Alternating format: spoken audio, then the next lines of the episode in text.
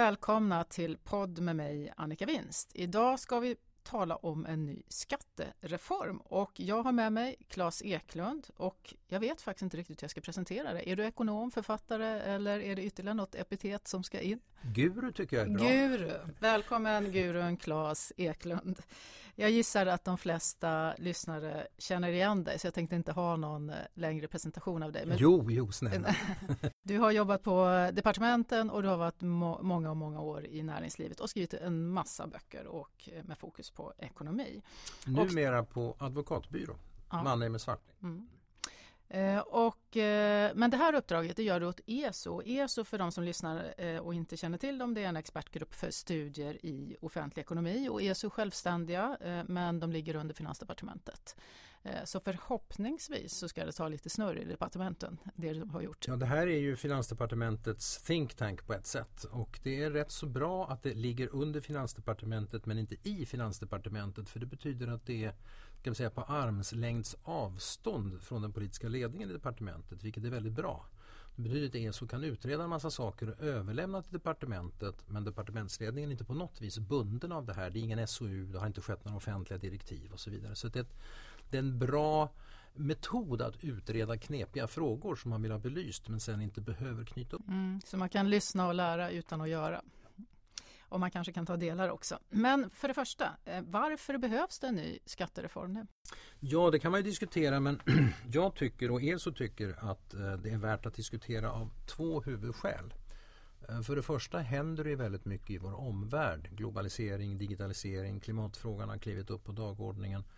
Och det gör att det gamla skattesystemet, om du tänker just på systemet som system, ter sig lite omodernt i vissa avseenden. Det andra är ju att eh, sedan den förra stora skattereformen 1990-91 så har det gått 30 år och eh, systemet har ändrats på tusen och en sätt.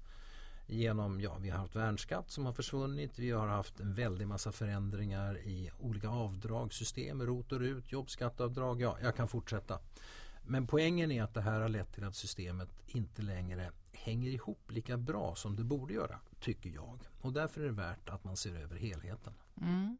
Och eh, du gör ju en bred översyn. Det är några områden som vi kan komma tillbaka till som inte är inkluderade här, till exempel kommunerna, eh, regionerna. Eh, men, men det är en bred översyn och det är ju många som har försökt att diskutera det här. Det vill säga att det är 30 år sedan vi gjorde den förra och det har varit uppe på tapeten många gånger. Men det är väldigt svårt att politiskt komma överens. Varför är det bättre att göra en bred än att plocka ut eh, vissa delar? Ja, det, det, kan man ju också diskutera. Alltså, det är inte säkert att det är bättre politiskt eftersom partierna har sina egna käpphästar som de prioriterar i alla lägen. Men ur ett rationellt ekonomiskt perspektiv är det en poäng att titta på hela systemet som helhet för alla delar hänger ihop.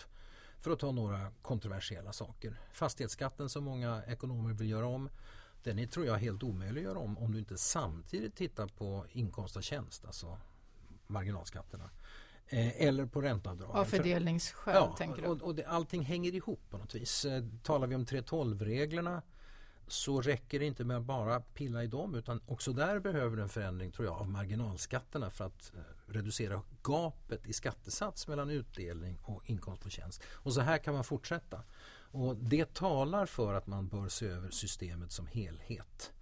Men sen finns det nackdelar med det. Alltså, det är klart att ska man se över systemet som helhet så krävs det en stor utredning, omfattande direktiv, det kan ta lång tid, och det blir frestande att försöka plocka russinen ur kakan för de olika partierna. Så att det, det är större politiska krav på en, en stor reform och det gör det svårare.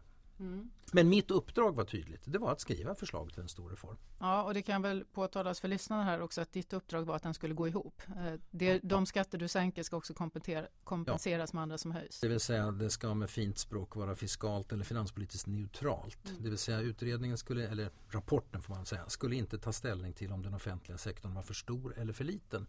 Mitt jobb var att liksom utgå från den offentliga sektor vi har och den ska finansieras men på ett mer rationellt sätt. Mm. Och det är ju också det viktigaste med skatter. De tar vi in för att i första hand finansiera den offentliga sektorn och då ska de förstås vara så samhällsekonomiskt effektiva som möjligt och så lite skador som möjligt. Och sen kan det finnas några andra eh, syften också, eh, hur man vill få folk att ändra beteende eller så vidare. Men det är ändå underordnat det stora att finansiera offentlig sektor. Men om, det var om jag... som Ludvig den 14 finansminister sa en gång att det gäller att plocka gåsen för att få så mycket fjädrar med så lite skrik som möjligt. Mm, det låter ju sådär. Men det, det, är folket som ska plockas nu.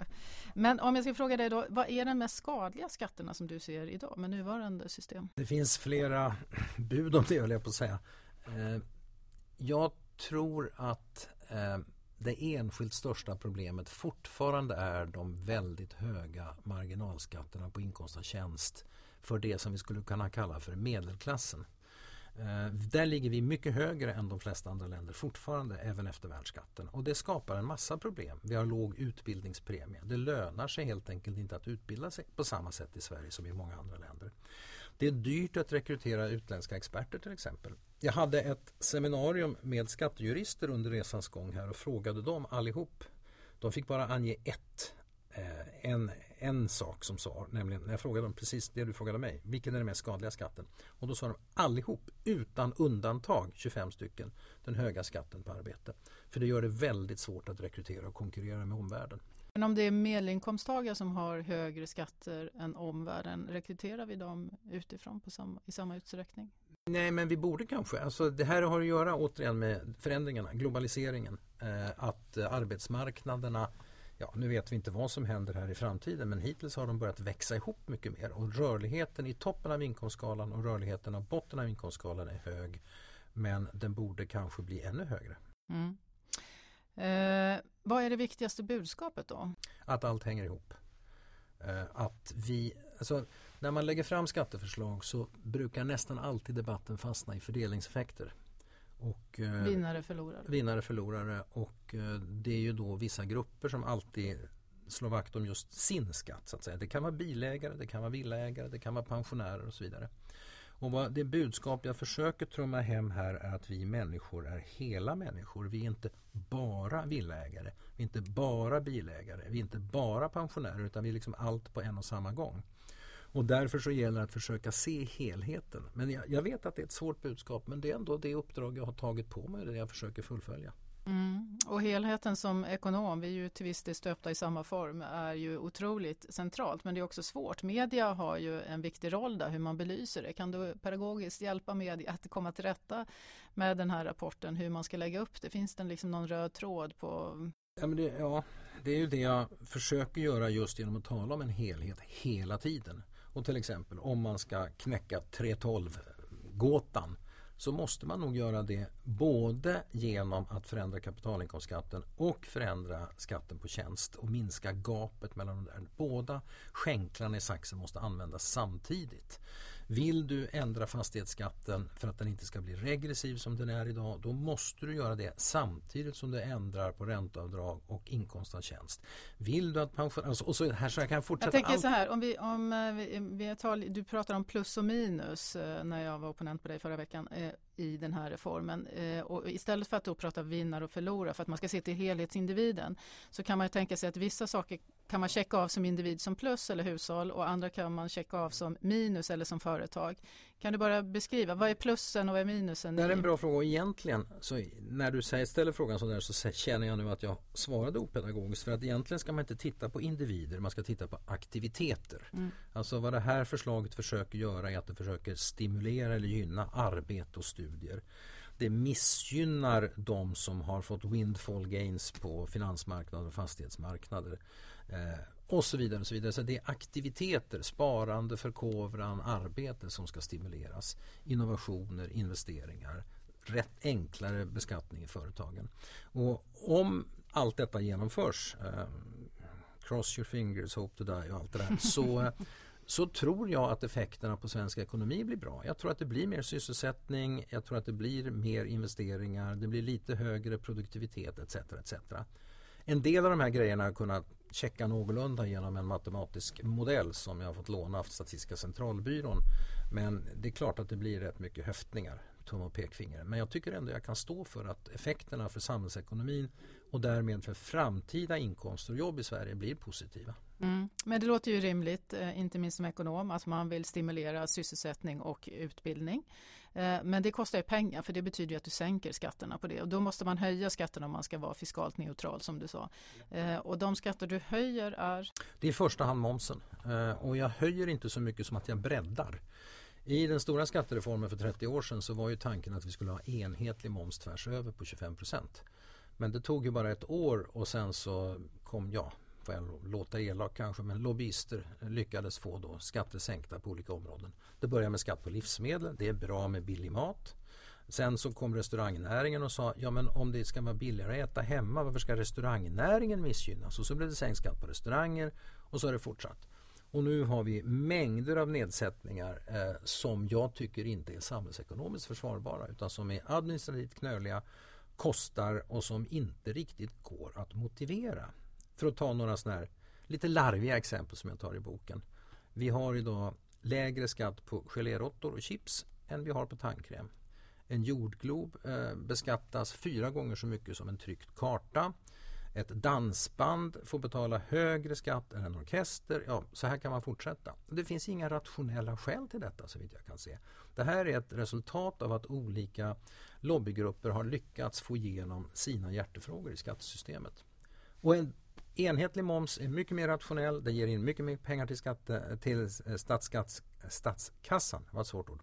Och eh, det är också skatt efter bärkraft för alla konsumerar. Mm, och det betyder att då kommer man höja momsen på mat, livsmedel, yep. vilket ofta blir en, en diskussion. Och, Eh, jag vet eh, att höginkomsttagare konsumerar lika mycket mat som låginkomsttagare och till och med dyrare så att de gynnas i den här situationen. Men det är ändå en sån fråga som är väldigt känslig för folk. Hur ska man hantera det då för de som drabbas? Det är ju en, stor del av vissas disponibla inkomst. Ja, egentligen borde man inte hantera det alls eftersom det här ska rättas till på skatten på inkomst tycker jag i första hand. Men okej, okay, om vi ändå ska gynna vissa grupper när det gäller matpriserna och om det är barnfamiljer vi vill gynna, ja då kan vi göra det mycket mer effektivt via barnbidragen. Eh, Riksrevisionen har räknat ut att vi kan spara ungefär 15 miljarder i statskassan. Alltså hälften av eh, kostnaden för matmomsen om vi istället kompenserar eller stöttar barnfamiljer och pensionärer med direkta bidrag på det viset. Och då är det dumt att inte plocka hem de pengarna tycker jag. Det vill säga att man får en större kaka genom att göra en omfördelning i det förslag du säger ja. eh, med, och att fördela sen då. Ja. Ja. Och det är hela tanken med ett mer effektivt skattesystem. Det gör ju att ekonomin växer snabbare, vi får mer inkomster att fördela och att när skattesystemet inte är så ineffektivt och snedvridande så behöver heller inte skattekvoten vara så hög för att ta in det man ska ta in. Mm. Så it's, it's a win-win på det viset. Hur mycket finansierar momsen om du tar en likformig moms eh, av de sänkningar som du gör? Ja, ungefär hälften. Lite Så resten är, resten är roliga saker som bankskatt till exempel. Mm. Nej men alltså det finns ju vissa sektorer som är helt undantagna från moms. Som fastighetssektor, banksektor, eh, spelbolag och så vidare. Och där tycker jag att eh, det finns inget skäl Eh, det är svårt att momsbelägga den finansiella sektorn eftersom det inte är en vanlig tjänst eller en vara som man momsbelägger utan vad bankerna tjänar pengar på är ju i hög grad rådgivning och räntenetto. Men många andra länder har eh, specialutformade skatter som skulle kunna funka även i Sverige. Och den här frågan har också varit uppe många gånger. Fastighetssektorn är helt undantagen och det är äckligt bökigt för fastighetssektorn eftersom det är, de bedriver ofta blandad verksamhet som det heter och det är väldigt stökigt för dem. Det vore mycket enklare. Det betyder att man har både moms in och ut så att säga. Och, ja, och vissa delar av saker man gör är momsbelagda och andra inte. Mm. Ja, hur som helst, eh, det finns rätt mycket pengar att plocka in den vägen också. Och sen det förslag jag har på fastighetsskatt ger en del även om det inte är så mycket. Därför att jag föreslår att man sänker den nuvarande skattesatsen eh, men tar bort taket. Fastighetsskatten? Ja, mm. och det betyder att eh, billiga hus, förlåt uttrycket då, eh, får sänkt skatt men dyra villor får höjd skatt. Mm. Eh, fastighetsskatten är ju en skatt som är svår eh, att hoppa över. Jag tänker inte kommentera bankskatten. Det finns nog andra av mina kollegor som gärna är sugna på att göra det. Men fastighetsskatten är ju en skatt som är på eh, tapeten allt som oftast. Den är ofta älskad av ekonomer för vi vet att det är en bred skattebas. Man kan inte flytta den och man har en viss fördelningspolitik i den precis som du är inne på. Men den är väldigt illa omtyckt av väljarna och därmed också väldigt illa omtyckt av eh, politikerna. Och här var ju ett område som jag då eh, eh, reagerade på när jag läste din rapport. Att eh, precis som du säger, det är de eh, som har billigare bostäder, om man får uttrycka sig slarvigt, eh, som kommer att gynnas på det här. Och fastighetsskatten är ju regressiv, det vill säga ju högre lön du har desto mindre. Ju, hög, ju dyrare bostad du har desto lägre blir skattesatsen. Ja, precis. Eh, och det hänger ju ofta ihop med vilken förmögenhet och inkomst man har. Medan däremot du pratar om det är de dyrare som ska betala men mitt problem här är ju att dyrare har det blivit för ganska många i, eh, inte minst i storstäderna och där det då är viktigt att hur man fasar in det här. Om det går för snabbt så kan man få problem och vi vet att smäller det på bostadsmarknaden så blir det enorma problem och det tar mycket, mycket lång tid att komma tillbaks. Och gör man det successivt så finns det väl en risk att politikerna backar ut. Det finns politiska partier som säger nej men då är vi inte intresserade. Vi tar skattesänkningarna men vi lyckas inte få in finansiering. Absolut, du har alldeles rätt. Eh, och det här är ett problem eh, för en ekonom. Men ESOs ordförande Hans Lindblad, före detta statssekreterare i Finansdepartementet, noterade på vårt seminarium, det du talar om, att om det är så att det är problem att eh, få igenom den reviderade fastighetsskatten så kan vi plocka bort den men då plockar vi också bort en annan komponent i förslaget som jag har nämligen slopad stämpelskatt. Så går det jämnt upp. Mm. Men det är också en viktig skatt. Men här, här är det ändå så att jag vill, förlåt om jag tar tid med det. Jag har, också här har jag försökt tänka som en helhet. Eh, jag tycker det är viktigt att fastighetsskatten inte är regressiv. Jag tycker det, om jag ska vara ärlig, inte stötande att den är det. Eh, av värderings och rättviseskäl. Så vad jag föreslår är en låg, väldigt låg fastighetsskatt. Mycket lägre än de flesta andra länder har. Och jag föreslår dessutom en begränsningsregel för att förhindra att det du säger, många som kanske har köpt på sig lite för mycket ändå inte ska straffas för det. Jag föreslår som sagt att det ska bli billigare att flytta, bort med stämpelskatt, bort med ränta på uppskov. Eh, och notera att det är inte en gammal fastighetsskatt som läggs ovanpå på förmögenhetsskatt, för jag föreslår ingen förmögenhetsskatt. Och slutligen, ovanpå allt det här så föreslår jag ju riktigt rejäla inkomstskattesänkningar. Så de allra flesta får ju faktiskt råd att betala denna ökade fastighetsskatt. Och nu talar vi återigen nu ska jag inte vara dum mot dig, nu sitter vi här i Stockholms innerstad och så plötsligt hamnar diskussionen om just de stackare som bor i dyra lägenheter och bostäder i Stockholm. Men skattesystemet är till för alla, det är inte bara till för medel, övre medelklass och överklass i Stockholm.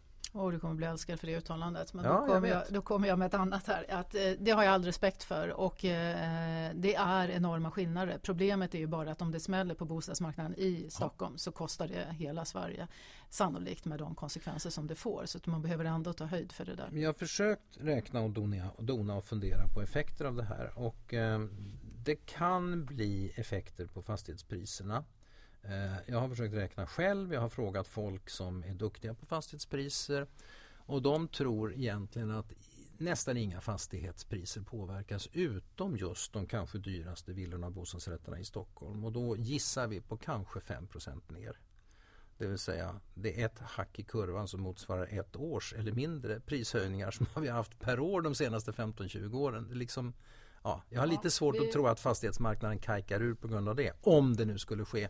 Samtidigt som vi gör alla de här andra sakerna som ger en boost till efterfrågan på fastigheter. Och det är det som är lite intressant här. Eh, jag eh, hade ju en diskussion här att jag, eh, eh när jag var opponent på det att jag tycker det är märkligt att inte om man tar Socialdemokraterna och Vänster utan partierna inte är för förändringar av fastighetsskatten för det är de ju inte. De är ju också försiktiga i den här frågan eh, med tanke på att deras väljare är väl förmodligen skulle majoriteten ändå gynnas av eh, den här förändringen. Men vi hade ju också med oss Jörgen Hellman som ordförande i skatteutskottet när du presenterade den här rapporten och han sa att hela din reform var görlig, om nu citerar jag kanske inte honom helt perfekt, görlig sig utom fastighetsskatten. Så det är ju politiskt eh, ett trauma höll jag på att säga. Ja, och det är lite konstigt återigen med tanke på att alla länder så vitt jag vet i vår omvärld har högre fastighetsskatt än Sverige. Varför skulle vi vara så, varför skulle det vara omöjligt att göra det i Sverige som görs i Danmark eller ja.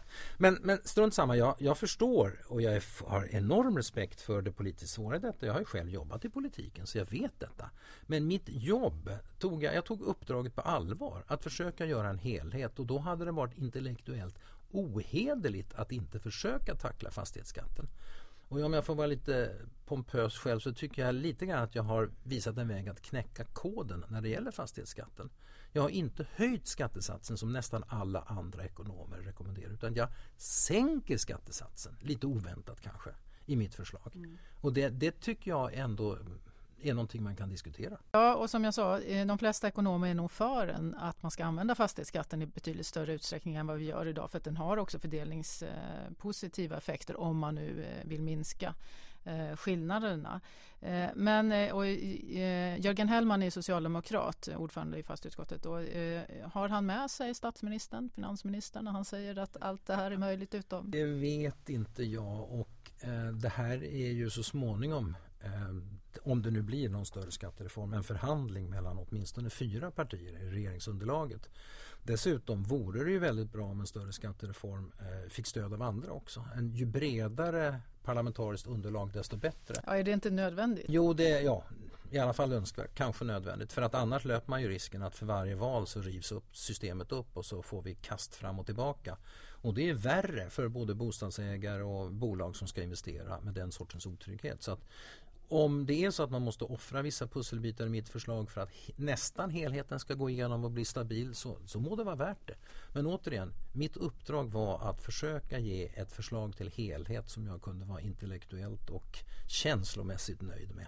Mm. Och de som då säger att man ska exkludera fastighetsskatten för den är för svår måste ju också då komma med andra finansieringar om man då ska sänka de skatterna som, som du föreslår. Ja, och också tycker jag leverera en sorts intellektuellt argumentation varför det är bra med regressiv fastighetsskatt. Mm. Eh, jag hoppas att du tar den pedagogiska fighten. Du, pedagogik är din styrka så du har en del kvar att göra efter den här rapporten. Men eh, man hör ofta, eh, jag hör det när jag är ute och har mina dragningar när jag träffar allt från, från kunder till kollegor och konkurrenter eh, att grön skatteväxling det är någonting som man kan finansiera det här med. Men det vet ju både du och jag att det blir väldigt svårt. Förklara. Ja, alltså där kanske några miljövänner blir ledsna när de läser det kapitlet i min bok för att eh, det är ju svårt det här med grön skatteväxling. En lyckad miljöskatt är ju en skatt som undergräver sig själv och tar koll på sig själv. Alltså, eh, en av de mest inkomstbringande skatterna i statskassan idag är ju koldioxidskatten. Men Sverige ska ju vara koldioxidneutralt om några decennier. Och lyckas vi med det då får vi inte in några pengar på koldioxidskatten. Det är ju en lyckad skatt om den tar bort sin egen skattebas. Och så är det med alla miljöskatter. De ska, de ska erodera sin skattebas och det betyder att den gröna skatteväxlingen inte något som fungerar på lång sikt. Miljöskatter ska vi ha därför att de är bra för miljön men vi ska inte tro att de kan finansiera de offentliga utgifterna. Nej, och det betyder att det är viktigt att ha miljöskatter eller gröna skatter eh, men vi ska inte använda det som finansiering eller vi kan inte utgå ifrån att det kan vara Vi kan använda dem som tillfällig finansiering mm. under en period men ska, siktet måste ju ändå vara inställt på att den offentliga sektorn måste finansieras på annat mm. sätt än via miljöskatter. Mm. Du nämnde inledningsvis eh, trender och det finns ju fler trender än hållbarhetsfokuset. Vi har också eh, en globalisering som gör att företag framför allt beter sig annorlunda men också individer. Eh, vi har digitaliseringen som har eh, tagit ett jättekliv under pandemin. hur ska man se på skatter utifrån det perspektivet? Eller de eh, perspektiven? Det sistnämnda om digitalisering är en gigantisk och väldigt teknisk debatt som pågår just nu. Där OECD och EU tillsammans kan man säga försöker eller diskuterar att stöpa om hela bolagsskatten. Jag skriver om det, ett ganska långt och tekniskt kapitel vad det handlar om är att bolagsskatten kanske i framtiden inte bara utgår ifrån där liksom huvuddelen av produktionen och huvudkontoret ligger utan där man säljer. Och digitala tjänster kan man sälja var som helst i världen. Och skulle det bli så, utan produktion så att säga, lokalt. Och skulle det bli så så är risken stor att Sverige tappar en mycket stor del av sina bolagsskatteintäkter. Därför är den svenska regeringen dead against. Och jag säger att jag kan, inte, jag kan inte lägga ett eget förslag här för här måste Sverige anpassa sig. Vi måste förhandla och sen anpassa oss. Men ska man, man ska vara medveten att det kan mycket väl bli så att vi måste ta höjd för att Sverige tappar en, en stor del av sina bolagsskatteintäkter i framtiden. Mm. Om du tänker, man, man, skulle kunna tänka sig att man beskattar antingen huvudkontoren eller där de ligger eller den som producerar eller användaren. Vad är, vad är bäst? Alltså det, det som diskuteras inom det här stora projektet det är en sorts fördelningsnyckel där man liksom lägger, om vi tar det du sa, typ en tredjedel där huvudkontoret är, en tredjedel där huvuddelen av försäljningen är, en tredjedel där huvuddelen av produktionen är, etc. Och då kan, för ett litet land som Sverige med stora företag och huvudkontor men där försäljningen är en liten del så betyder det då minskade skatteintäkter. Stora länder, om jag nu generaliserar brutalt, är ofta för den här typen av förslag men små länder är emot och här är förhandlingarna inte klara. När jag började skriva trodde jag att förhandlingarna skulle vara klara nu i höst men de har just skjutits upp. Delvis på grund av pandemi och delvis på grund av att man inte är överens. Så att eh, EU ska sätta ner foten i vår. Så får vi se hur det blir. Mm. Man hade ju också när man införde det här pandemipaketet mm. eh, så då, tog man ju en grön, eh, det är fortfarande en väldigt liten ja. andel, eh, en grön skatt som skulle finansiera men man diskuterar också en digital ja. Skatt. Men det är fortfarande inte slutförhandlat nej, alls. Nej. Ja, de här trenderna tror jag vi får komma tillbaks till. Det är ju ordentliga förändringar som sker och som ja. vi måste ta höjd för men som vi har pratat ganska lite om. Eh, men ytterligare en aspekt innan vi eh, avslutar här är ju då kommunerna. Mm. Eh, kommuner och regioner är ju en väldigt stor del av skatterna men det är också i stort omöjligt att plocka in det i de här samtalen, diskussionerna. Varför och hur ser du på det? Det? Här är en jättefråga och jag har ett kapitel om kommunalskatten och kommunal skatteutjämning men det utmynnar egentligen i bara förslag till ytterligare utredningar det är lite antiklimaktiskt. Jag hade egentligen tänkt skriva mycket större och järvare men och föreslå en stor reform av utjämningssystemet. Men jag insåg att om jag gjorde det då skulle hela diskussionen vara dead on arrival eh, därför att Sveriges största parti är kommunalpartiet. Alla partiernas kommunala organisationer. Och att börja rota i den kommunala skatteutjämningen i samband med det här det skulle innebära att man ifrågasätter hela den kommunala självstyret. Skulle uppfattas så i alla fall från vissa håll. Och eh, eh föreslår nya relationer mellan stat, region och kommun. Och det är liksom en, det är en ännu större fråga på sitt sätt än skattesystemet i sig.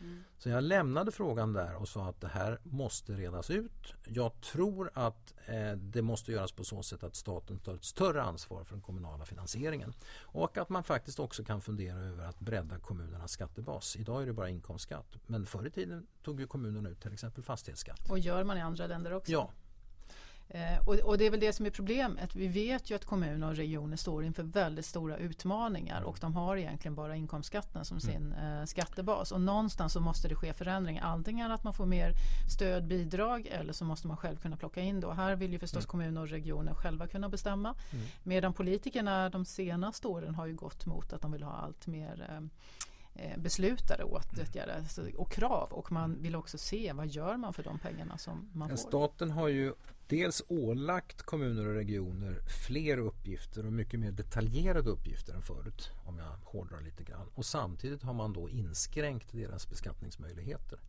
Och istället har man då försökt kompensera med lite mer statsbidrag fast de inte räckt till och med ett utjämningssystem som inte heller räcker till. Att, och som är omdiskuterat. Ja, och, det, och det, det, man kan säga att staten får ta på sig rätt mycket av skulden för att det ser ut som det gör i kommunerna.